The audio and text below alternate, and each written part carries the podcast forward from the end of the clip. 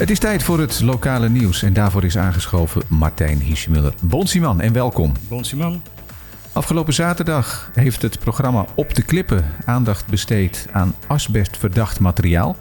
Om die feiten boven tafel te krijgen heeft de redactie van het programma een WOP-verzoek ingediend. Jij vertelde vorige week al in het lokale nieuws dat slechts een klein deel van de documenten die jullie hebben opgevraagd verstrekt zijn en jullie nemen daar geen genoegen mee. We nemen daar absoluut geen genoegen mee, want wij zijn ervan overtuigd dat wat ze hebben achtergehouden niet wettig is. Um, wij gaan geen verzoek bij het OLB doen, want dat is eigenlijk de gebruikelijke zaak. Ja. Maar de brief die we hebben gekregen is namens het bestuurscollege geschreven. Dus die hebben al een standpunt ingenomen. Dus het is zinloos om daar nog eens een keer beroep uh, tegen aan te tekenen.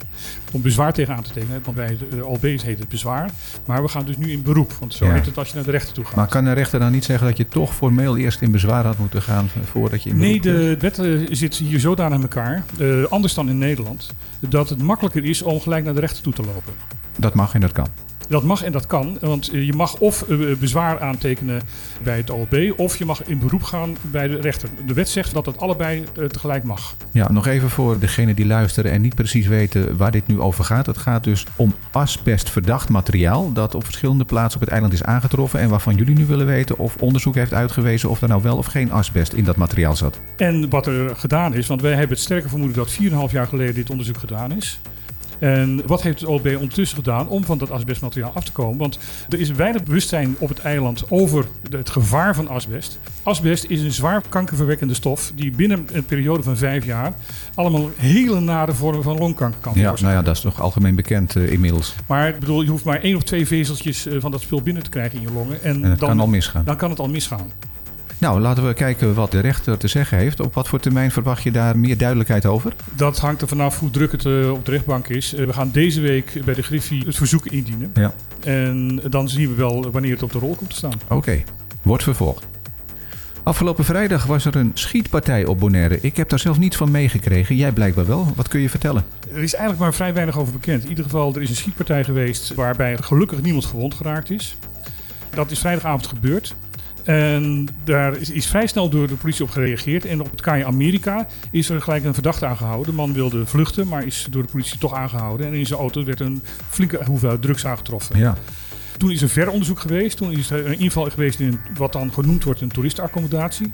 Waar een tweede verdachte is aangehouden. Ook in die ruimte is een behoorlijke hoeveelheid drugs aangetroffen. En een derde jongeman heeft zichzelf aangegeven omdat hij door had van uh, het heeft weinig zin om te blijven vluchten. Ja, het gaat om uh, mannen in de leeftijd variërend van 17 tot 26 jaar. Ik hoor je zeggen er zijn twee partijen drugs aangetroffen, maar vuurwapens? Wordt niet vermeld, dus ik neem aan van niet. Oké.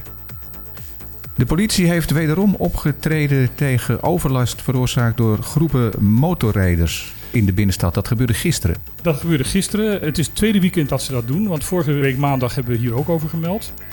Daar blijkt uit dat het toch wel een hoge prioriteit bij de politie heeft. Ze hebben de hele Calle Grande afgesloten en de Calle Curaçao is afgesloten. Beide straten, Calle Grande en Calle Curaçao? Ja. En daarmee hebben ze dus voorkomen dat daar dus allemaal samenscholingen plaatsvonden. En om tien uur s'avonds hebben ze het weer vrijgegeven. En er zijn twee rijtuigen in beslag genomen. Om wat voor reden weet je dat?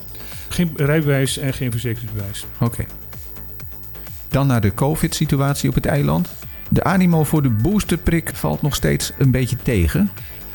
Ja, daar is op een of andere manier een soort argwaan tegen. Want waarom hebben we dan nog weer een derde prik nodig? De afdeling publieke gezondheid, omdat er nu veel minder besmettingen zijn, zegt meer uh, tijd en uh, ruimte te hebben. Ze gaan dus meer onderzoek doen waar de besmettingen vandaan komen. Maar ze gaan nu ook weer, wat ze in het begin uh, ook hebben gedaan met de normale prikken, mm -hmm. is de wijken ingaan en in de buurtcentra gelegenheid geven dat, dat, mensen daar zich kunnen. Ja, zodat ze dus niet naar de sporthal hoeven, maar ja. gewoon ja. op loopafstand in de wijk een prikje ja. kunnen krijgen. De, de, verschillende doktoren die in die wijken wonen worden opgeroepen om met mensen te praten van jongens, het is toch echt nodig. Mocht je op een of andere manier geen kans zien om daar die plek toe te gaan, dan kan je 0800 0900 bellen en dan komen ze bij je thuis. Ja, want gebleken is toch dat die boosterprik enorm verschil kan maken bij het al dan niet op de intensive care terechtkomen. Ja, er zijn tot nu toe geen mensen die met uh, Omicron in het ziekenhuis zijn gebeland die geboosterd waren. Dan misschien nog even kijken naar de cijfers. Volgens mij is het allemaal een stuk naar beneden gegaan. Het is zelfs een stuk naar beneden gegaan. Er zijn op dit moment 135 actieve gevallen. Dat is hetzelfde als gisteren. Er zijn weinig tests afgenomen, maar 20. En daar waren er 15 van positief. Een hoge ratio. Een hoge ratio. Ja, drie kwart hè? Drie kwart. En er liggen op dit moment drie mensen in het ziekenhuis. Oké. Nou, dan nog een leuk nieuwtje voor de ijsliefhebbers. Want ijswinkel Luciano heeft aangekondigd open te gaan met de tweede filiaal. Ja, in het winkelcentrum eh, bij Hato gaat dat filiaal open. Ze hadden eigenlijk al in december open willen gaan. Maar dat is niet gelukt omdat ze geen personeel konden aantrekken. Dat is nu wel gelukt en morgen gaan ze open. Dus als je bij de rotonde bent, kan je even een klein afslagje maken om Ja. een lekker ijsje te halen. Nou, ga ik zeker proberen. Tot besluit dan nog het weer. Het ziet er eigenlijk best wel gunstig uit. De, ja, een beetje wolken boven onze regio. Daar zou een lokaal buitje kunnen vallen. Men verwacht meer op Curaçao dan op Bonaire. De temperaturen zijn eh, 29 graden in de middag en in de avond wordt dat 22 graden. Wow, bijna onboneriaans Ja, koud. truien eh, tevoorschijn. Ja. Oké, dankjewel Martijn en tot morgen. Tot morgen.